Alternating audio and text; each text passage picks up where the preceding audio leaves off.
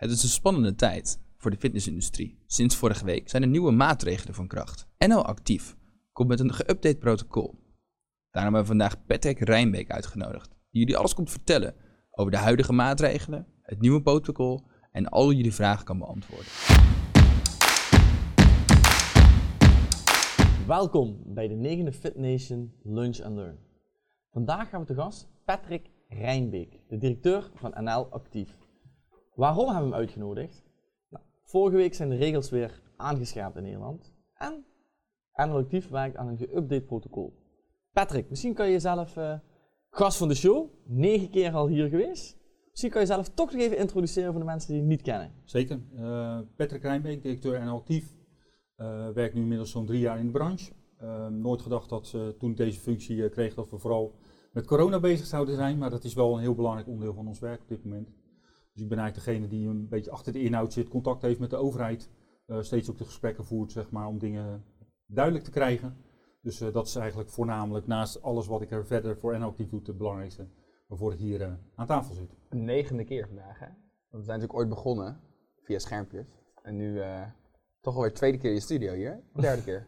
Ja, precies. Vanuit mijn befaamde uh, kantoortje ja, jullie al, zeg maar. Ja, ja, ja, ja, dat befaamde dus, kantoortje. Nee, veel mensen gezien met de hond en de dingen en zo. Ja, dus ook nog, allemaal, zeker. Ja, dus uh, ja, dat is het mooie, dat is weer het mooie soms, dat je niks geheim kan houden, hè, tegenwoordig meer. Maar, uh, maar het is, leuk. is leuk om te zijn, zeker. Ja, het is zeker. leuk dat, je ook, dat we ook hier... De aanleiding is wat minder, maar dat is, dat is niet anders. Dus, nou ja, of misschien, want we zijn nog steeds open, dus ergens zit er toch een soort van lichtpuntje. Maar daar gaan we het straks lekker over hebben. Goed. Ja, Mitch. 30 keer al, maar uh, de eerste vraag mag jij je mee aftrappen. We gaan, uh, we gaan het namelijk hebben over, uh, de, beginnen even met de routekaart, want we gaan even terug helemaal richting de basis. voor de mensen thuis, ik weet niet of jullie de routekaart hebben gezien. Als jullie die nog niet hebben gezien, dan gaan jullie die nu straks op het scherm zien. Um, Patrick, waar staan we op dit moment in de routekaart? en waar staat op dit moment de fitnessindustrie? Ja, nou ja, het, zeg maar, de, de, het grappige is, dat de term routekaart is inmiddels twee keer geïntroduceerd. De eerste keer waren we wat minder blij, want we stonden in diezelfde routekaart op 1 september. Want even terug naar, uh, naar laten we zeggen, maart, april. Uh, Toen werd er ook een routekaart vanuit de overheid gepresenteerd. En toen ging dat vooral over welke pakketjes open gaan, op wat voor moment. Uh, toen zaten we als binnensport, als fitness, in het laatste pakketje. zoals wij altijd zeggen, bij de seksclubs en de sauna's. Hè, dat is dan het befaamde rijtje. Um, en hebben we eigenlijk keihard geknokt om te zorgen dat we eerder open konden, 1 juli. Uh, maar het fascinerende is dat toen was het zo dat wij dicht waren. Gelukkig konden we wel buiten al wat doen. Maar uh, vanaf, uh, vanaf 11 mei uit mijn hoofd. maar toen waren we dicht. En toen was de horeca vanaf 1 juni open. Inmiddels is het nu oktober. En is het eigenlijk andersom. de fitness is nog open. En de horeca is inmiddels vanaf verleden week voor vier weken gesloten. dus, dus ja, wat dat betreft is het misschien soms nu wat lastig uit te leggen. Waarom is dat zoals het nu is? Wij zijn er natuurlijk super blij mee. Uh, los van dat we heel verdrietig zijn dat de overheid dit heeft moeten afkondigen, want die maatregelen die raken de branche natuurlijk nog wel enorm, maar we kunnen in ieder geval open zijn. Maar ik denk dat het belangrijkste verschil op dit moment is dat de overheid een andere waarde hecht aan sporten en bewegen. En ook steeds meer gaat zien wat een, wat, uh, wat een, ja, hoe belangrijk het is om mensen uh, te laten bewegen, te laten sporten, ja. vitaal te laten zijn, fitter te laten worden, maar ook weerbaarder ten aanzien van het virus. En dat betekent dus dat we vanuit de fitness vandaan inmiddels uh, nog gewoon open zijn, met kleine aantallen, ja. maar wel open zijn en uh, door kunnen. Want dat was eigenlijk ook uh, een van de vragen die we hadden, was van, hey, vorige keer zaten we hier en toen vroegen we aan je, oké, okay, um, heeft sporten en fitnessindustrie dan een ander maatschappelijk belang gekregen, een ander soort van kijken, een soort van visie? Um, en wij, is dat zo, hè, dat door de maatregelen die nu aangekondigd zijn, ja, kun je dat dan concluderen dat dat zo is? Nou ja, ja dat, dat denk ik wel. Um, uh, uiteindelijk, wat als, als die waarde er niet was geweest, dan was het de vraag of, of ze het leuk hadden gevonden dat er 30 mensen met elkaar bij elkaar in een zelfstandige ruimte maar spreken ze het ook echt uit? De overheid? Ja, zeker. zeker. Okay, Kijk, okay. het verhaal gaat, uh, ik heb, ben er niet bij geweest, het verhaal gaat dat in, ik neem jullie even mee naar verleden week maandag en dinsdag, een beetje hoe ons werk eruit ziet. Uh, maandag begint eigenlijk een beetje de voorbereiding naar de, de persconferentie dinsdagavond. Maandagochtend uh, overlegt het OMT dan en je probeert eigenlijk die dag al informatie uit het ministerie te halen om te horen wat, uh, wat voor besluiten liggen er, hoe kunnen we dingen doen. Het OMT had, laten we zeggen, de gewoonte om te lekken, mm -hmm. vrij snel. Dus dan zag je maandag in de loop van de dag al het rapport komen. Eh, we begrijpen dat in het katsoverleg er een beroep is gedaan op OMT-leden dat ze dat niet meer doen. Nou, dat is goed gelukt nu, want die informatie was er niet. Nee, want dat werd ook heel duidelijk gezegd. Dat was een soort van, we zijn nog niet helemaal zeker wat gelekt. Ja, Ja, en het was ook een soort OMT had de neiging om te laten zien, wij vinden dit, dus, eh, dus daarom laten we dat als ware zien. Eh, en ergens dinsdag gaan we dan informatie krijgen vanuit de overheid. Het gaat over, ongeveer hierover, het gaat ongeveer daarover. Het verhaal gaat nu dat we dinsdag, dat de sport nog gesloten was, maar dat de minister hoogstpersoonlijk er heeft voor gezorgd. Vanuit het perspectief, het, het argument, het is belangrijk dat mensen blijven sporten en bewegen, omdat ze dan aan hun gezondheid blijven werken. Dat in feite dat een belangrijk eh, argument is geweest om te zeggen, oké, dan gaan we, eh, dan blijven we, dan laten we de sport toch beperkt open, zoals we nu beperkt open zijn. Dat is het verhaal wat ik, wat ik, wat ik hoor. Dus dan zou het eh, vanuit de minister zelf gekomen zijn. En dat betekent dus ook dat die boodschap die wij al een tijd aan het zenden zijn, vanuit de sport Ja, maar zeker ja. vanuit NL Actief al, dat die landt. En dat in ieder geval die waarde veranderd is. Ehm, ehm, en een belangrijk ander element, het is najaar. Het is nu vandaag mooi weer, maar de afgelopen dagen was het heel wat minder. Ja. Dus als je nu terugzakt in een model, gaan we lekker buiten bewegen. Dan schat ik in dat heel veel mensen niet gaan bewegen. En dan heb je een ander probleem. Dus er spelen allerlei van dat soort belangen als het. Zeker. En als we dan toch even terug naar die routekaart. Hè? Dat is heel mooi dat we zeg maar nu eh, wordt de fitness of de sportindustrie anders zien dan de horeca. Voorheen was het andersom. Ja. Eh, we zitten op dit moment wel aan. De facts zijn, het is op dit moment zeer ernstig. Ja. Volgende stap is een totale lockdown. En dat Mhm. betekent alles dicht. Ja. En dit alles, de basis hiervan is het reproductiegetal. En dan wil ik toch eventjes... Het R-getal. Ja, het R-getal. Ja. Eh, dat betekent het aantal mensen dat besmet worden door één besmettelijke persoon. En als dat getal is nu op dit moment 1,22. Eh, ja, en wij, als je onder de 1 komt, hè, dan is er ook weer meer mogelijk. Dan gaan we weer een stapje Ja. terug in de routekaart. Maar hoe, ja, hoe zie jij dit? En hè, we hebben ook een verantwoordelijkheid hier in de natuurlijke industrie. Ja, Misschien eens. kan je toelichten R en, en ook de verantwoordelijkheid, Patrick. Nou ja, ehm, eh, ik ben in de loop van de maanden vele amateur, eh Viroloog amateur viroloog, met dat soort dingen. Kijk, wat, wat dit voor mij betekent is het feit dat je eh, met een R-getal boven de 1, betekent eigenlijk dat het aantal besmettingen oploopt. Want je besmet meer mensen dan dat je zelf bent, zeg maar. Dat betekent dat het oplopende besmettingsgeval, dat betekent dat de overheid uiteindelijk een maatregel zal nemen om dat naar beneden te duwen. Want die curve die we nu omhoog hebben, de laatste dagen vlakt die gelukkig wat af. Gisteren was een mindere dag, ik ben heel Ja. benieuwd wat er vandaag gaat komen. Uh, maar we hopen natuurlijk uiteindelijk op een, een, een, een, zeg maar een curve naar beneden, zodat het aantal mensen wat besmet raakt minder is. Omdat dit gaat uh, niet zozeer alleen over fitness, dit gaat over ja, in wat voor situatie bevinden we ons als land. Ja. Bijna als Europa op dit moment. Hè? Want een week geleden was Nederland nog oh, oh, oh, daar waar het meest. Inmiddels is, de, is België ons uh, rechts ingehaald en fors. Duitsland is heel erg, dus je ziet eigenlijk overal dat iedereen met hetzelfde vraagstuk uh, speelt. Dus de crux is, als dat de situatie is, dat we als fitness laten zien dat we op een veilige en verantwoorde manier open kunnen zijn. Laten zien dat we dat ook prima kunnen handhaven. Wij laten dat voor een deel zien om te, uh, door te vragen aan ondernemers hoe vaak heb je te maken met mensen die besmet zijn en hoe vaak heb je te maken met brandhaarden. Ja. Dus, dus dat de besmetting op het centrum zelf plaatsvindt. Nou, wat wij terugkrijgen in feite vanuit onze peilingen, ik heb het van de week nog bij Jurk F een keer in een uh, podcast mogen uitleggen, is dat dat niet het geval is. Maar die professionaliteit, dat is de verantwoordelijkheid die we op dit moment hebben. Dus we moeten met elkaar ons realiseren dat uh, dat virus voluit buiten rondwaait. Dat de kans dat iemand het heeft die binnenloopt groter is dan, laten we zeggen, in juli. Uh, en dat wij ervoor moeten zorgen dat uiteindelijk uh, um, mensen die dan toch, want besmettingen kunnen we niet tegenhouden, die, worden, ja, die lopen mensen overal op. We moeten gewoon zorgen dat dat niet, laten we zeggen, in het fitnesscentrum verder, Ja. uh, verder gaat.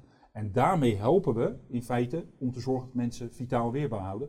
Maar laten we zeggen, de, de verantwoordelijkheid op voor het naar beneden halen van het R-getal ligt heel erg in de maatregelen die afgekondigd zijn. En dat is inderdaad zo, als dat R-getal niet afneemt, en we kunnen een hele discussie hier voeren over wat is dat wel een getal en hoe zit het met het aantal testen en percentages. Kijk, uh, daar blijf ik op dit moment verder van.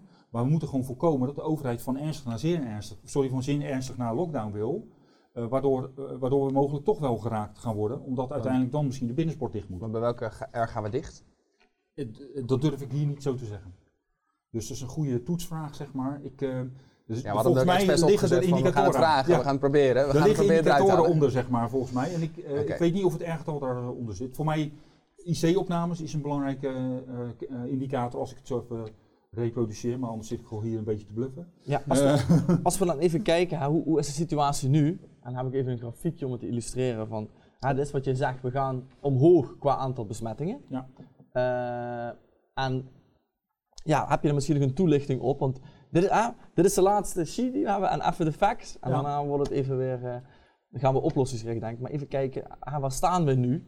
Patrick, hoe zie jij dit? Want we zitten echt in een trend omhoog. Hè? Ja, eens. Eh, dus eh, kijk, en nogmaals, als fitness zijn we een onderdeel van de maatschappij. En, en ik denk ook dat we steeds meer een, een, een echt onderdeel van de maatschappij beginnen te worden. Ook in de waarde die we zeg maar, willen creëren naar, naar onze klanten. En dan is, ja, uiteindelijk is die, die, eh, die opgaande lijn is niet één op één te relateren. Het is vooral dat wat er buiten gebeurt. En in feite de belangrijkste conclusie hierin, wat mij betreft, is dat de context, dus de omgeving waarin de fitness zijn werk op dit moment aan het doen is, dat die gewoon veranderd is. Ja. En dat we met elkaar, en dit is niet alleen naar de fitnessondernemers, maar ook naar de klanten en eigenlijk naar ons allen, een verantwoordelijkheid hebben om dat naar beneden te duwen. Eh, omdat we anders een groot probleem hebben. En het dus ook, en dat is weer een consequentie, eh, wel eens onze branche kan raken. Nou, zeker.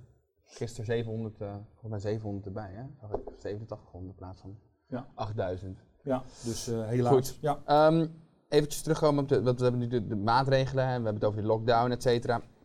Ehm, is er bekend, of heb je toevallig gesprekken al gehad, ehm, of er op korte termijn beperkende maatregelen komen? Niet dat we helemaal dicht gaan, of zi- zijn er, ja, worden er assumpties gedaan dat misschien toch iets meer beperkt gaat worden? Gaan we toch Nee. misschien binnen naar buiten? Oké. Nee, maar kijk, eh, dat heeft ook te maken met het feit dat, eh, dat de besluitvorming voor dit soort maatregelen vindt eigenlijk plaats in die cyclus die ik net beschrijf. hè. Mhm, mhm. Vanuit een katsoverleg op zondag. Dus zondag begint het kabinet al met allerlei partijen te praten. OMT, door naar de persconferentie op dinsdag.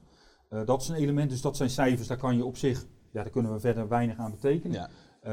Het ministerie, dat is dan toch onze primaire gesprekspartner hierop, geeft dit niet aan. Maar daarmee wordt het ook niet uitgesloten. Nee, dat is waar. Eh, dus eh, het enige waar we ons nu, we zijn ons nu nog wel aan het focussen op wat betekenen deze maatregelen nog. We zijn inmiddels een eh, ruime week verder, maar nog steeds wel zoekende naar, ja, wat, wat betekent dit nou eigenlijk precies? Ja, wat betekent het in de praktijk, hè? Want dat precies. is het hem, hè? De, op persconferenties wordt iets geroepen en de dag daarna is een beetje iedereen stress. paniekvoetbal. Ja, Van wat betekent het nu met buitenlessen, binnenlessen? Hè? En, en misschien daarop inhakend, actief is proactief. Hè? Jullie zijn, we zitten nu al zo lang in deze situatie. Daarna gaat meteen Ja. een uitleg van de regelgeving. En soms Ja. moet je even twee, drie dagen brainstormen volgens mij met juristen van hoe zit het nu? ja, Eh, en jullie werken nu aan, aan het updaten van het protocol. Kan je misschien hier al een, een tipje van de sluier oplichten? Nou, wat we eigenlijk nu in het protocol. Kijk, het protocol is wat ons betreft het, eh, laten we zeggen, de leidraad die een centrum kan gebruiken voor zijn eigen centrum. eh, als het gaat over de maatregelen die op dat moment van toepassing zijn. Eh, dat betekent dat we het protocol nooit als eerste aanpassen, want eerst moet alles duidelijk zijn en het protocol zit een beetje aan het eind. Dus eh, het, het- ik, heb, eh, ik zag net wat voorbij komen. Het, het zal waarschijnlijk vandaag, uiterlijk morgen, zullen we het publiceren. Moeten we even afwachten wat er weer volgende week gaat gebeuren, maar dat is weer een ander vraagstuk. Dat is een levend stuk. Dat is misschien goed om Ja, te benadrukken. Klopt, want uiteindelijk zeg maar de belangrijkste maatregelen die ons raken vanaf verleden week dinsdag is natuurlijk het aantal mensen. Ja. Wat er in een zelfstandige ruimte, nieuwe term, in een zelfstandige ruimte zeg maar mag Mhm. zijn. Eh, en dat is 30. Eh, en dan is er ook nog het vraagstuk, wat betekent dat nou voor de grote fitnesszaal? Ja. Eh, dat is, daar kom ik zo even Ja, we terug, gaan, want we dat gaan dat we gaan ook, ja, we gaan af, alles ook helemaal helder op papier zetten zo. Want Ja, er zijn dus, best wel wat vragen ook ja. die er... dus dat is één. Eh, tweede is, dan kwam dat rare groepsvorming. Hè. Het, was bui- het was op het eerste moment wel duidelijk, oké, buiten mag er gesport met, worden met vier, met, met groepjes van vier maximaal. En die groepjes van vier heeft te maken met het, met het feit dat de overheid de, de onderlinge besmetting wil verminderen.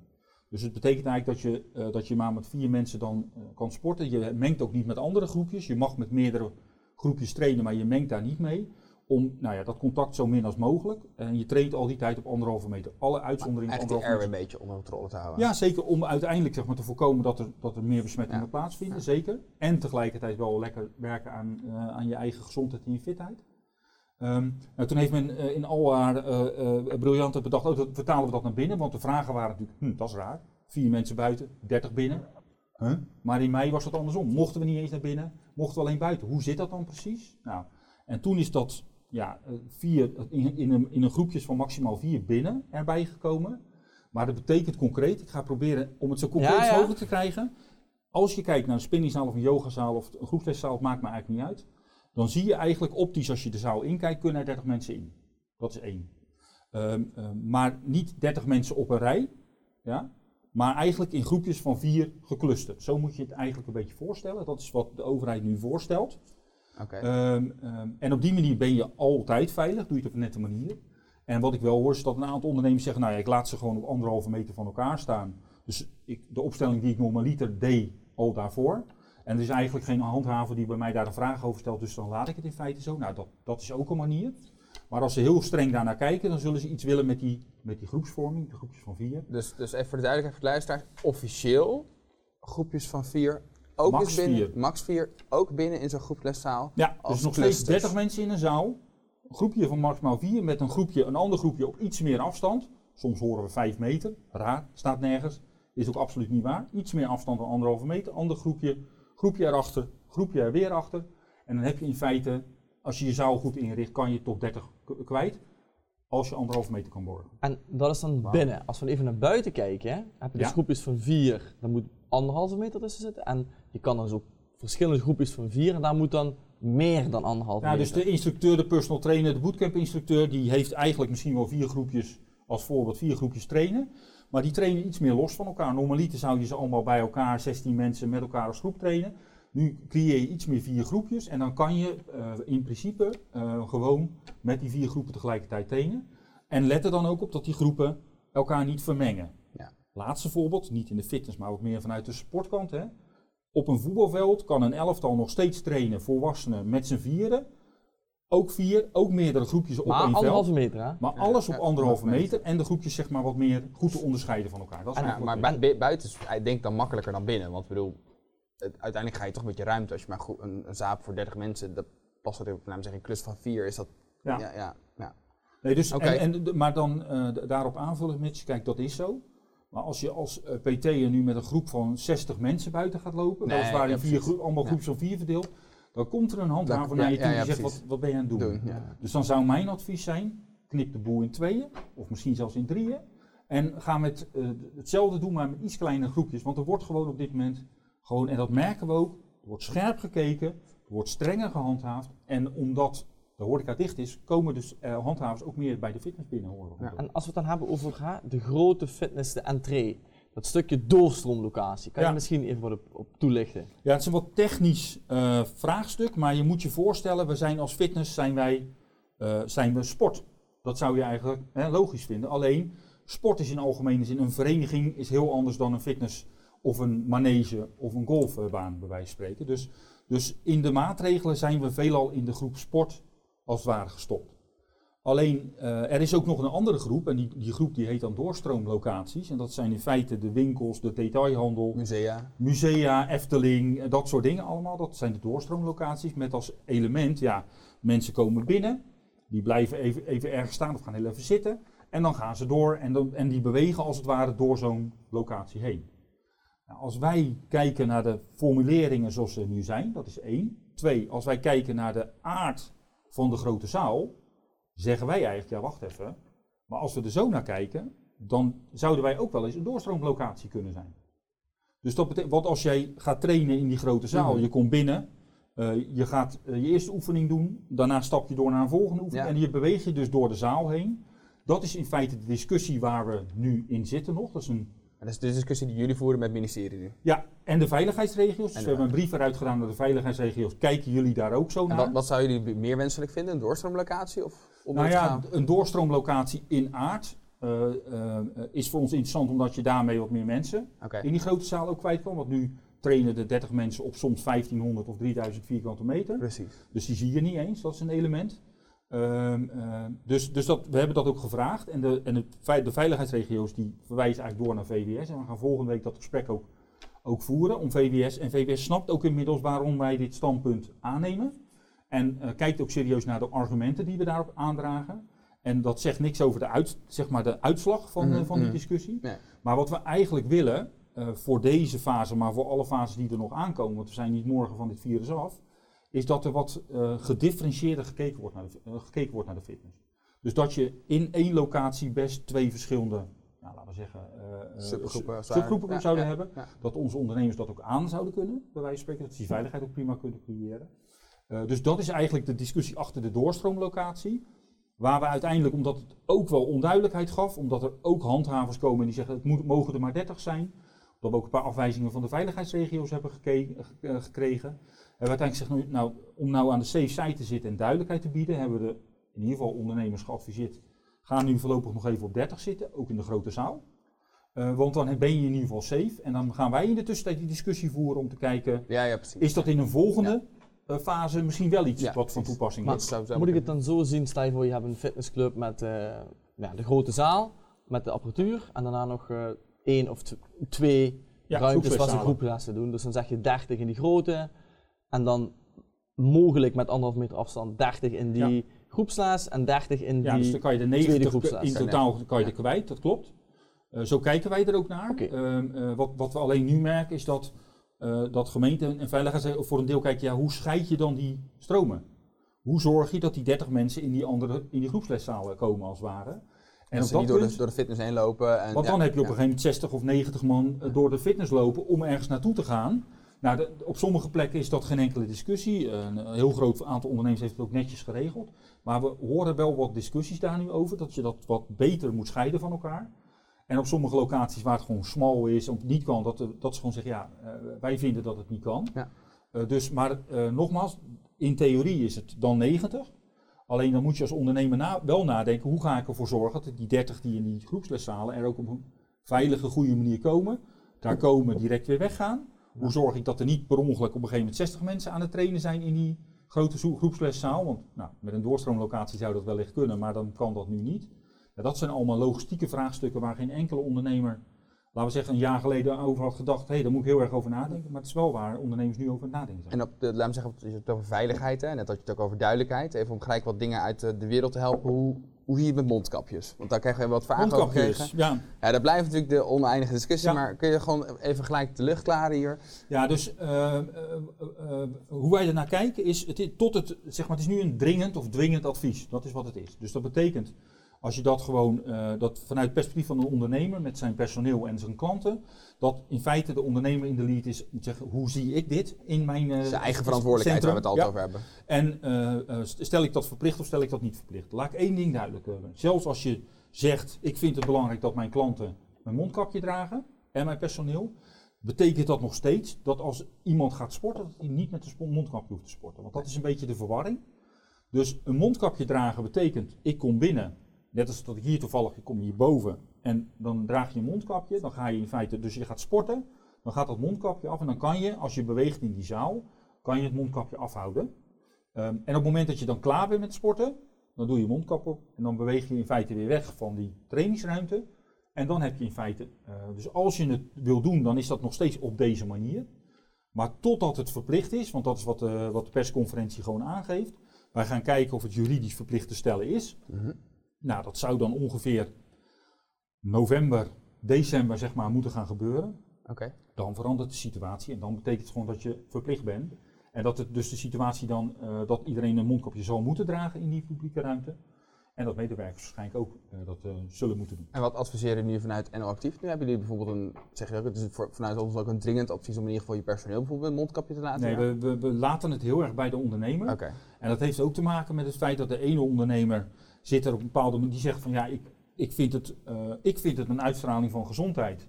En het feit dat ik een professioneel eh, eh, bedrijf heb, dus ik zeg ja, we gaan dat wel doen hier.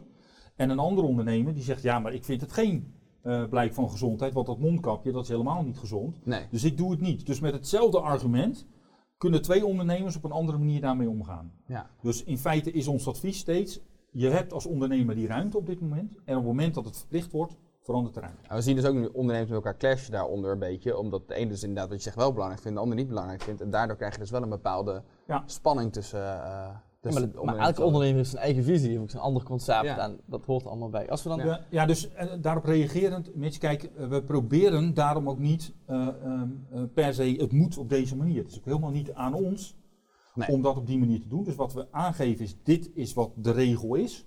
Daar kan je als ondernemer daarmee omgaan. En in sommige gevallen adviseren we dan wel op een bepaalde manier, maar op dit punt, mondkapjes, zeker omdat we deze gevoeligheid ook zien, Ja, ja, ja. zeggen we in feite tegen ondernemers, Oké, bepaal zelf hoe je erin Ja, zit. maar omdat, omdat met Hugo de Jonge laatst weer van te zijn, we hebben te, te laat pas weer maatregelen genomen. We zitten te veel op die eigen verantwoordelijkheid. Op BNR hoor je het constant. Eens? Is het dan ook niet gewoon belangrijk dat we een eenduidig advies gaan krijgen op het gebied van mondkapjes van we doen het of we doen het niet? Maar dat, dat is aan de Dus- overheid. Ja, ja, ja, ja, precies. aan, nee, nee, nee. eh, Ik zeg, niet, ik zeg dat het, is een leuke discussie die ik al voer. Of in ieder geval een mooie, want, want, want jullie zeggen ook, we beroepen ons eigen beetje op de eigen verantwoordelijkheid van de ondernemer. Eens? Terwijl er nu wordt de afgelopen tijd heel erg wordt gezegd van ja, eh, maar die, we kunnen die eigen verantwoordelijkheid misschien helemaal niet bij de ondernemer neerleggen. Want we, we merken gewoon dat er en te veel oneenigheid komt. Er is gewoon geen eenduidig beleid. Maar dat is eigenlijk het argument onder van eh, dringend, dwingend advies Ja. naar verplichting. Dus dat is een dan hoeft de ondernemer dat niet te doen. Tot die tijd is de onder. En uiteindelijk, ik ken de branche inmiddels goed genoeg, omdat de autonomie van een ondernemer is een groot goed. Daar Ja. moet je ook, zeker als branchevereniging, niet te veel op in willen grijpen. En wat we eigenlijk doen, en dat is ook een, gewoon een kerntaak, is gewoon de feiten neerleggen. Dit is wat de overheid zegt, dit is wat wel kan, dit is wat niet kan. Ja. En op basis daarvan kan de ondernemer uiteindelijk besluiten, ik kijk er op die manier naar, dus ik ga het op die manier doen. Als we even teruggaan naar die sportschool met die zaal en Ja. die eh, twee, eh twee groepslesruimtes. Eh, ja, hoe zit het op dit moment met reserveren? Ja, ja, is het verplicht? Is het niet verplicht? Of is er een aanbeveling vanuit NL Actief? Ja, ehm, nou wat, we, wat in het nieuwe protocol staat, wat, eh, wat, wat, we, wat we gaan uitgeven, is er zijn een paar dingen verplicht. Dus de gezondheidscheck is verplicht. Ja. Ja, dus eh, eh, nogmaals, die vijf vragen voordat je binnenkomt om aan te geven dat je niet verkouden bent geweest, dat soort dingen. allemaal. Dat is een verplichting, niet alleen voor de klanten, ook voor het personeel. Hè? Dus eh, dat is voor het personeel net zo eh, cruciaal. Elke keer als personeel binnenkomt, officieel ter eigen triage. En dat werkt eigenlijk een beetje hetzelfde als ben ik ziek of niet. Op het moment dat je twijfelt als instructeur, shit, ik ben een beetje verkouden, dit en dat. Dan, eh, dan, dan neem je gewoon contact op met eh, de, de manager of de ondernemer van mooi luister, ik ben verkouden. Dus ik wil me laten testen, Ja, ik kom niet. Nee, oké. Ja, maar dat geldt ook voor het personeel, dat is wel een belangrijke Ja, dat- ja. Twee, het, het andere is, eh, wij adviseren ook om goed te registreren. En dan bedoel ik registreren niet de uitslag van de gezondheidscheck, maar dat je weet wie er binnen is geweest. En dat heeft te maken met het feit, er lopen veel meer mensen buiten rond die het virus onder zich hebben. Dus op het moment dat er een besmet iemand binnen is geweest, dan heb je in ieder geval een, in kaart wie er op dat moment binnen is geweest. Kan je met de GGD even afstemmen, hoe ga ik daar op een goede manier mee om? Ga ik mijn klanten wel of niet eh, informeren daarover? Dus vandaar dat we registratie ook belangrijk vinden. Gaat er, die nieuwe app van de overheid, dus coronamelder, speelt daar natuurlijk ook Een een rol in als het ware. Dat is eventjes, eh, eh, dan ga ik naar jouw vraag van reserveren toe. En reserveren zeggen wij op dit moment van, de overheid verplicht het niet, die vraagt het niet van ons. Ook omdat we niet als doorstroomlocatie worden gezien, want daar hoort het dan weer wel bij. Ehm, en dan zeggen we eigenlijk, maar tegelijkertijd, omdat je een kleinere stroom hebt in je, eh, in je centrum, moet je wel in controle blijven. Dus dat er, dat er niet te veel mensen voor de deur staan, dat je dat op een goede manier organiseert. En daarin speelt wat ons betreft reserveren een hele belangrijke rol. Omdat je dan daarmee eh, eh, goed in kaart brengt wie komt er op wat voor moment sporten. En kan ik me aan de Maar houden. dat is Nou, maar hetzelfde als mondkap. Maar even, Ja. even terug naar wat Patrick zegt. Eh, met Virtual Gym hebben we dat, juist dat, die drie samengekoppeld. Klopt. Je reserveert, in het reserveren doe je de triage, de gezondheidscheck waar je bea- vragen beantwoordt. Ja, En dan staat het in het systeem en dan weet de club altijd hoeveel mensen er zijn. Dus Eens? eigenlijk worden die alle drie dan eigenlijk in één getackled. En dat zijn de corona features. Dus Nee, maar wat mij betreft, Daan, is dat ook een uitstekende oplossing. Want daarmee heb je het allemaal afgedekt, doordat je een dienst inkoopt en het uiteindelijk een goede manier vormgeeft. Eh, dus wat mij betreft, dat, dat juichen we hartstikke toe. Eh, we kennen ook clubs vanuit een andere situatie. Ik ken ook ondernemers die heel veel waarde hechten aan vrije inloop. Eh, die dat ook ja, een- unique selling point vindt voor hun. Voor hun nou, die, die moeten ook nadenken, hoe gaan we daar nou precies mee om? En daar zit die nuance van reservering net in. en, en Dan zeg ik niet het moet, dan zeg ik in feite, zorg er wel voor dat je het goed op orde hebt en dat je in ieder geval weet wie er binnen is. En dat er niet een hele stapel mensen buiten zitten. Maar een, een, een goed voorbeeld is, ik sprak eh, een gym deze week, Sans Gym, want eh, we hebben een, en die zei van, ja, hè, ik ga het altijd doen, dit reserveren, ook al is het niet verplicht, omdat ik dan zelf gewoon minder mensen op de club heb.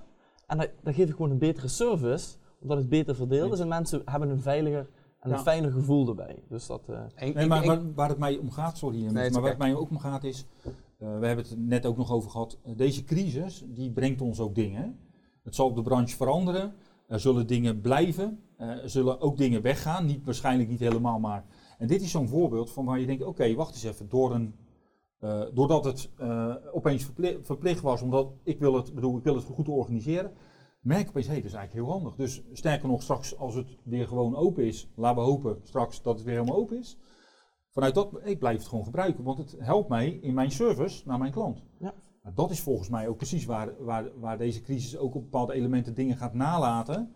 Waarvan we later denken, ja, als, ik bedoel, denk aan digitale eh, ja, lessen. oplossingen. Eh, denk aan buitensporten. Eh, erbij, zeg maar, bij het binnensport zijn allemaal voorbeelden waar, waar ondernemers op dit moment echt kijken van ja, we ja, het is eigenlijk toch ha- ons hartstikke goed bevallen. Hoe ga ik daar dan mee om in de post-corona-tijdperk? Dan is Virtua Gym echt iets voor jou. De all-in-one membership management en coaching software. 24/7 in contact met je leden en je combineert trainingen op locatie met home workouts in een door jou gepersonaliseerde app. Goed. Ik wil nog even kritische vragen stellen, maar ik denk gezien de tijd dat we eventjes richting de, eh, de komende tijd moeten. Ja. Ehm, want we gaan eh, nog heel even kort hebben over de steunmaatregelen, want die zijn weer veranderd. Daar weten we natuurlijk als jurist alles over. Dus vandaar eh, dat, we daar, dat hij er nog eventjes op in wilde zoomen. En wat kan- zou je aan de ondernemers voor, eh, voor tip willen geven wat, wat ze eigenlijk nu kunnen doen qua steunmaatregelen? Ja, ja, ah, we zijn nu ondertussen al in de derde ronde van de steunmaatregelen. Dus je hebt nu ook bijvoorbeeld een NOE 3, eh, we hebben een aantal fiscale maatregelen, leningen, de KKC. Eh, en dat is ook een nieuw potje voor het investeren van, voor het ondersteunen van investeringen. En dat kan eventueel interessant zijn straks met Ja. de ventilatie. Eh, we hebben het nog niet over ventilatie gehad eigenlijk vandaag. Nee. Dat is opvallend. Eh, Misschien bewaren die voor de volgende keer. Kunnen we, weer een eh, episode aan wijden. maar Patrick, eh, sowieso, wij zullen na de, de follow-up even een linkje doen met een goed overzicht samen met de Ja. actief over alle steunmaatregelen. Maar Patrick, heb jij misschien nog een toelichting van wat is nu de laatste tijd veranderd? Want we zijn nu al ja, sinds maart hiermee bezig en we zijn telkens nieuwe rondes. Ja, dus ehm, wat, ja, kijk, wat je eigenlijk ziet is dat eh, als je eh, steunpakket 2 versus 3 is er niet heel veel veranderd. Nee. Wat je terecht aangeeft, is ook een goede constatering, is er, er is op dit punt investering, zeg maar subsidie op een investering die een ondernemer doet. Eh, dat is erbij gekomen, dat, was, dat is nieuw, eh, maar dat is ook nog niet heel scherp op dit moment. Dus daar zijn we ook wel over in gesprek met EZK. Wat er eigenlijk gewoon vooral veranderd is, is dat we, eh, we roepen eigenlijk bij ondernemers al heel lang op, vraag die TVL aan. Hè? Kijk hoeveel omzetverlies je hebt, zeker als je meer dan 30% hebt, ja, vraag de TVL aan. Gebruik de NOE ook. Oftewel, gebruik alle steun die de overheid je aanbiedt, want dat is de steun die je krijgt. Dus eh, voel je daar niet te groot voor. Zorg dat je cijfers goed op orde hebt, dat je ook precies weet hoe of wat. En vraag het aan, dat is een belangrijke vraag. Nou zou, eh, zeg maar, straks eh, de, de TVL en de NOW veranderen per 1 januari. Want die zouden eigenlijk qua omzetderving op, dus in feite minder toegankelijk worden dan daarmee die steunmaatregelen. Waar ik heel benieuwd naar ben, is met deze sluiting er nu bij, is hoe de overheid daarmee omgaat. Want in feite stond er, laten we zeggen in het laatste kwartaal van 2020 was het nou, zoals het was daarvoor. En vanaf 1 januari eh, meer, moet je meer omzetderving hebben om in aanmerking te komen voor zowel de TVL als de NOW. Ik ben heel benieuwd hoe de overheid daar nu mee omgaat. Het eh, vervelende is alleen dat ik verwacht dat omdat er nu meer schade eh, geleden wordt aan de kant van de ondernemers, mede omdat de horeca eh, niet open is, beperkt open is, eigenlijk dicht is, maar to go, daar zit nog wel wat ruimte. Ehm, dat, dat er gewoon ook meer schade is. Dus dan komen ze bij wijze van spreken, kwamen ze net niet in, in aanmerking voor de TVL, maar door de nieuwe maatregelen misschien weer wel. En dan is onze oproep nog steeds, vraag hem gewoon aan. Ja. Zorg, we hebben tegenwoordig ook een contactpersoon, eh, zeg maar bij eh, de Raad van Ondernemend Nederland, die dit uitvoert, die wat vragen kan toelichten. Dus als je het niet weet en niet uitkomt, laat het ons weten. Dan zorgen we dat je teruggebeld wordt en dat, dat je die vraag als het ware kan stellen. Maar blijf eh, goed kijken naar de steun die je kan krijgen vanuit de overheid. Voel je niet te groot om die steun Ja. niet te accepteren. Half Nederland hangt aan het infuus op dit moment. Hè? Dus wat dat betreft zijn we niet uniek. En dat is wel de steun die nu Ja, beschikbaar dat is is. m- mijn volgende vraag eigenlijk. Hoe ehm, hoor je ondernemers uit de branche? Voorzie je veel faillissementen? Of heb je, eh, heb, je daar een beetje, heb je daar een beetje zicht op als NL actief zijnde? Nou, we hebben natuurlijk sowieso vanaf het begin gezegd ik, eh, dat we inschatten dat de klap nog gaat komen. Eh 2021, want langzamerhand wordt het, bot steeds meer, het vet steeds meer van de botten afgeschraapt. Eh, op dit moment eh, hoor ik af en toe eh faillissementen, maar nog niet in grote getalen. Nee, dat is Eh, positief. Dat, dat, is, eh, dat vind ik fijn voor eh, de ondernemers. Ja. Eh, wat, ik wel, wat je wel ziet is, volgens mij zijn wel wat ondernemers aan het, eh, zich aan het oriënteren. Wat ga ik doen met mijn bedrijf? Ja. Ga ik me, eh oversluit ik me ergens aan? Ik zie die netwerkvorming zie ik ook eigenlijk wel een beetje toenemen. Eh, of, eh, of, of kies ik er gewoon voor om zelfstandig door te gaan als locatie of als een, groepje locaties. Maar als we over de grens kijken, hè, we hebben een Ja. rapport met Europe Active gehad, die de hele Europa in kaart brengen van hoe doen de ondernemers dit.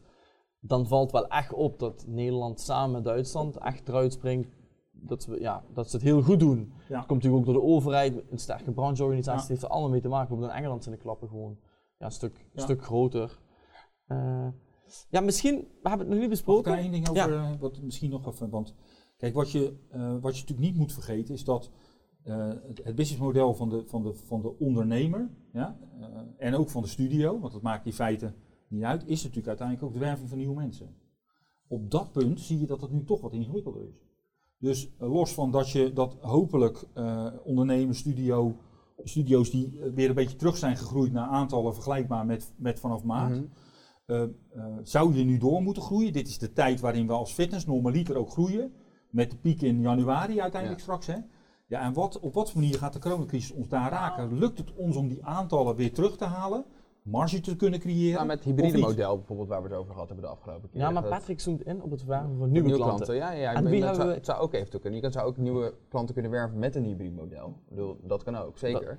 Ehm, en omdat ook natuurlijk een groot gedeelte online verplaatst wordt, dat mensen toch weer thuis gaan sporten een deel, dat zie je dus ook weer gebeuren. Maar wie hebben we volgende week de gastmatch voor het werven van nieuwe leden? Zeker, Jordi Snijders komt, is, we hebben volgende week eh, hebben we te gast. En die weet alles over sales en marketing. Die helpt Ja. ondernemers daar ook eh, bij. Dus eh, die gaat jullie ook, of die gaan in ieder geval de, de, de ondernemers vertellen, hoe kan je kwalitatief goede leads werven. Dus eigenlijk sluit dat enorm goed aan bij Ja, nee, het is ook wat wat mij betreft een oproep om daar ook goed aan te blijven werken. Want Ja. uiteindelijk, eh, je, kan, je kan minder aantallen kwijt, maar tegelijkertijd heb je wel die aanloop nog nodig.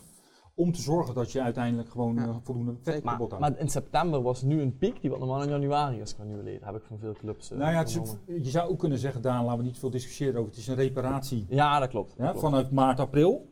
Ehm, eh, maar het klopt, normaliter vanaf september loopt het langzamerhand weer een beetje op met de wat magere zomermaand. Het is sowieso, Ja, even het los is- van corona, Ja. niets meer van de oude lijntjes kloppen eigenlijk als het ware. Want eh, toen ze net open mochten hoorde ik ook wel toch, hé, hey, er komen eigenlijk veel meer mensen binnen dan ik gewend ben op deze Ja, ja, tijd. ja, dus dat precies. klopt. Ja. Alleen eh, mijn belangrijkste punt is volgens mij ook wel dat we, eh, dat we scherp moeten blijven op eh, eh, dat bedrijf te overleven. Ja. En dat dit eh, zeg maar een onderdeel dan is. Gezien de tijd moeten we denk ik eh, door naar de vragen. Je had een hele belangrijke vraag voor, voor Patrick, hè? We hadden een vraag van eh, Peter Wiggers van Live Motion. Ik moet hem even oplezen, want eh, hij is lang. Eh, de routekaart zegt sluiten van kleedkamers bij sportclubs en verenigingen. Het roept de vraag op of een fitnesscentrum hetzelfde is als een sportclub. Bij te overwegen maatregelen wordt gezegd sluiten binnen sportclubs, behalve voor bewegingsonderwijs tot 13 jaar, fitnessclubs, zwembaden, sauna's. Blijkbaar is er een onderscheid tussen binnen sportclubs en fitnessclubs. Graag hierover duidelijkheid, want ik Ja. wil de sporters werkgelegenheid bieden bij thuis of als omkleden om een jas en tas in de kleedkamer achter te laten en sportschoenen aan te doen. Ja. Lange vraag, maar Ja, dus als we hem afpellen, ehm, en het, is een beetje, het komt een beetje neer op waar we het net over hadden rondom de doorstroomlocatie, is wat je eigenlijk ziet, is dat, eh, dat we vallen onder sport, maar we vinden dat, eh, dat sport niet in algemene zin goed vergelijkbaar is met elkaar. Een zwembad, een grote bak met water, is ook alweer heel anders. Zou je theoretisch ook kunnen zeggen, ja, het is ook een soort do- doorstroomlocatie, net als dat onze grote zaal is, bij wijze van spreken. Ja. Dus we vragen de overheid om gedifferentieerd naar ons te kijken. Eh, daarom maken wij ook elke keer de doorvertaalslag van wat zegt de minister-president nou eigenlijk in die persconferentie en wat betekent dat voor de fitness. Ehm, want eh, als het gaat over sporten 18 plus, bij wijze van spreken, zie je natuurlijk een belangrijk verschil tussen buiten- en binnensport op dit moment. Omdat we uiteindelijk gewoon wel gewoon mensen aan, in de binnensport geval kunnen laten sporten en bewegen. En bij mijn voetbalclubje is dat een ander verhaal, want dan moet je met, met, met kleine groepjes gaan werken als het ware. Er zijn alle competities stilgelegd, dat soort, die worden nou, stevig geraakt op dit moment, zeg maar, door de maatregelen die er zijn. Dus eh, nee, we zijn niet automatisch sport. We kijken ook elke keer en vragen ook elke keer met, eh, bij het ministerie naar in hoeverre is dit nou van toepassing op de sportscholen. We discussiëren op dit moment ook wel wat meer van hoe schrijf je dat dan op. Hè? De juridische kant van dat vraagstuk, heb je het dan ook wel goed opgeschreven, is dat als het ware duidelijk. Ehm, en dat is de nuance die we elke keer hier aanbrengen. Dus blijf ons volgen, want we maken die vertaalslag elke keer niet als sport aan zich, maar juist, hey, wat betekent dat nou precies voor, die, eh, voor de fitness? Maar praktisch, je hebt nog geen antwoord op de vraag. Eh, mag je een jas en tas in de kleedkamer Ja. achterlaten? Nee, dat klopt. Eh, wat we eigenlijk zeggen Ja, is... vind- een beetje- mag kritisch goed punt, zijn, zeker, goed punt. zeker. Eh, kleedkamers zijn dicht. Dus, dus jas Eén, en tas. Even wachten. Kleedkamers zijn dicht. De volgende vraag die we altijd krijgen, ja, er zijn eh, de toiletten in de kleedkamers, die heb ik nodig. Dan zeggen wij eigenlijk nu op dit moment, beschouw eh, de, de kleedkamer dan als doorloopruimte. Hè? Dus als niet door stroomlocatie, slecht woord nu, als een ruimte waar je even doorheen gaat en weer terug. Ja? Dan is het ophangen van een jas eh, of even je schoenen uittrekken, is natuurlijk, maar laat nou mensen niet douchen, laat nou mensen niet omkleden, laat ze nou gewoon in sportkleding komen. En dat het dan koud is, is een winterjas even ophangen, omdat je hem in de ruimte niet kwijt. Daar zal geen BOA een probleem van maken. Als je gewoon goed uit kan leggen hoe dat, hoe het is. Dus het betekent dat je ook goed op moet letten dat ze niet met z'n zessen, achten of tien in zo'n ruimte zijn. Pats Maar en moet, weer weg. moet je daarom niet gewoon zeggen, want dat zie ik dus ook ondernemers, dat je gewoon een lint ervoor hangt. Want als je zegt van ja, je mag je jas wel buiten op, of binnen ophangen, maar je mag dan niet met z'n zessen Ja. tegelijk erin zijn. Eh, ik merk toch bij verschillende ondernemers die zeggen, nou weet je, dan gooi ik hem gewoon helemaal dicht. Je kan je jas Maar- daar in een, in, een- Maar in dit is, een, vuistje dit is een gooien. terecht punt, hè? Ja, dus dit is een want- terecht punt. Ehm, eh, het Wordt te is, lastig. wij worden natuurlijk op die nuance elke keer Ja, bevraagd. ja. En ik ken genoeg ondernemers die zeggen, en het is nu klaar, ik gooi het gewoon dicht. Sterker nog, die kluisjes die moet ik gewoon uit die eh, kleedkamers halen, want eh, dat schiet gewoon niet Nee. op. Weet je, is elke keer, die, die zet ik gewoon op de gang neer als daar ruimte is. Want dan is het ook in het zicht, hè? dat scheelt ook nog een hoop. Ik eh, hoor dat gewoon mensen stiekem gaan douchen. Die, weet je, dat, dat, dat, moet je gewoon niet willen. Dan Nee, dus, dus, dus dan, we maken het duidelijk, eh, bij wijze van spreken. Alleen, eh, ja, dit is wel de nuance waarin we soms en ook Ja. niet. Ook, ja. Vraag van een Sander die het eh, binnenkwam. Ehm, die had het nog over, eh, maakt het nog uit of je op een eigen trein sport of op een openbare ruimte en dan gericht op groepschoten? Ehm, ja, dit is een goede vraag. Eh, dat, dat, eh, we, we- verwijzen op dit, bij deze vraag eigenlijk altijd door naar de gemeente. Hoe ziet de gemeente de, het stukje eigen terrein? Is dat 30 of is dat 4? Daar komt het dan concreet op neer. en dat is nog steeds de- ja. dat soort dingen. Omdat het is voor ons heel lastig aan te geven. Oké. Snap je? Dus Dus, ik zou Sander- zeggen, zoek even contact met de gemeente, Sander, en eh, kijk eventjes wat je, eh, wat ze, hoe zij er tegenaan eh, kijken. Ehm, eh, of zij een verschil zien tussen op eigen terrein trainen of een openbaar terrein trainen. Ik, we hebben ook nog een vraag van Erik Landman van eh Wattcycling. En hij vraagt van, moeten trainers in een groepsles verplicht een mondkapje dragen? Wattcycling is een spinning studio. Maar... Nee. Nee. Oh, We hebben nou. het even over gehad met... Ja. Nee, dus ik, dus eh, laat ik zo zeggen, ehm, als je als in, dus het is één al niet verplicht, dat heb ik net eh, gezegd, dat is één. Twee, als je toch het belangrijk vindt dat het personeel een mondkapje draagt, vind ik het nog wel een belangrijk verschil of iemand tussen sporters doorloopt, netjes op anderhalve meter, en begeleiding geeft, of dat je een spinningles begeleidt, waarin je gewoon zelf ook aan het sporten bent. En in algemene zin lijkt mij, want persoonlijk ben ik sporten met een mondkapje niet heel, heel fijn, sowieso. Dus in dat geval zou ik tegen de instructeur zeggen, doe. Ja, ook. Dus eh, zou ik zeggen, nee, dat hoeft niet. Want het is in feite iemand die weliswaar les geeft, maar ook gewoon zelf aan het sport is. Intensief aan het sport is. Volgens mij hebben nog één vraag. Nou, eh, een vraag van Sandra. Een pilatesstudio en yogastudio is natuurlijk een ander verhaal. Hoe wordt daar nu mee omgegaan? Wij zijn geen fitnesscentra, geen sportclub. Nou, het grappige is, laat ik, dat, ik weet niet hoe vaak ik dat bij jullie gezegd heb. We maken als NO Actief onderdeel uit van een brede platform. En dat platform heet Plan voor Ondernemende Sport. En eh, dat is eigenlijk een aantal brancheverenigingen die ondernemers die in de sport werken begeleiden. Maneges, golfaccommodaties, squashballen, de, de klim- en, bo- en, en boulderhallen. Maar ook een paar yoga, eh, zeg maar een vereniging aan de kant van de yogastudio's. En in feite eh, de, de vechtsportautoriteit aan de kant van de bokscholen, zeg maar. Ja. En eigenlijk voor, eh, ehm, zie je dat yoga in algemene zin wordt gezien als sport. En dus eigenlijk onder dezelfde wet, regelgeving valt. Oké. Dus het is, het is anders, want eh, ja, elke eh, type sport is anders, bij wijze van spreken. Maar de regels die voor de fitness van toepassing zijn, zijn net zo goed voor de yoga van toepassing. Ik heb nog een, eh, nog een leuke vraag van uh, Floor Koolsteeg van Floor Fit. Zij doet eh, boksen met pads één op één. Ja. Eh, ja, mag dat nog?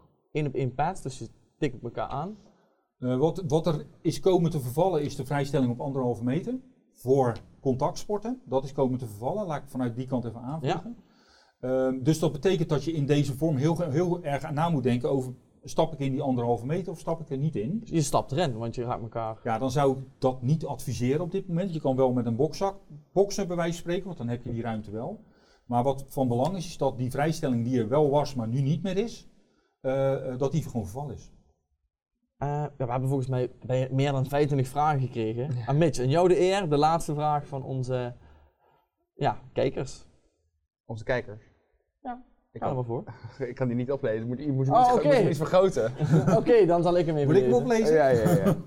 Eh, gaat het sporten in groepjes van vier voor spinninglessen? Oftewel, moeten er vakken gecreëerd worden? Ja, ehm, ja, het geldt ook voor spinninglessen. Net als andere groepslessen. dus iets waar we het eerder over gehad hebben. Hoe handig is het om in die ruimte heel erg te bewegen? Dat geldt eigenlijk nog steeds. Nee, dat is niet. Statischer is eigenlijk beter dan heel veel beweging. Dat is één. Twee, het geldt voor spinninglessen dus ook. En of je dat doet door middel van tape of dat je met eh, dopjes werkt. Maar in feite optisch moet je ervoor zorgen dat groepen goed onderscheiden zijn van elkaar. Dat is eigenlijk de kern. Dus ja, dat geldt ook voor spinnen. Ik we er doorheen zijn, Daan. Volgens mij gaat hij ook precies Alles vanaf de duidelijk? derde, eh, derde seconde. ja, ik denk dat we, heel, dat we een hele hoop duidelijkheid weer hebben geschept richting de, eh, richting de ondernemers. Dus dat is heel erg fijn. Je zal, zal vast Niet alleen naar de ondernemer. Nee, precies. Naar de, ja, ja, zeker. Ook het studio's, Ja. personal trainers, Nee, zeg maar, iedereen, ja, cruciaal, hè? zeker, Dus, eh, zeker. Ja, maar dat zijn ook Dat ondernemers. zal, ja, precies. We, we doen even met ondernemers, iedereen die, die hier geluisterd heeft. En het Ja. zal vast niet de laatste keer zijn dat je hier denk aan tafel gaat gaan. eh, ik kom graag terug, dat weet je. Dus eh, Daan, eh, volgende week, en we zeiden het al.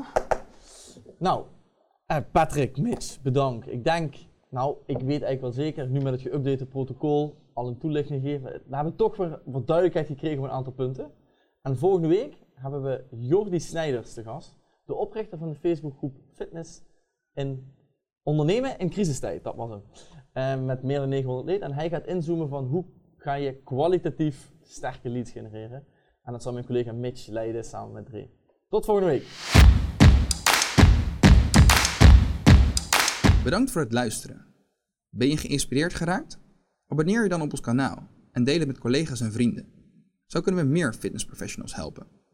Daarnaast hosten we op vrijdag 9 oktober ons virtuele FitNation event, waar verschillende professionals zullen spreken. Denk bijvoorbeeld aan een marketing-expert, een Olympisch kampioen en nog veel meer. Met hen kijken we terug op het bizarre jaar 2020 en richten we ons vooral op de toekomst van de fitnessindustrie. Mis het niet. Bestel je kaarten op www.fitnation.co.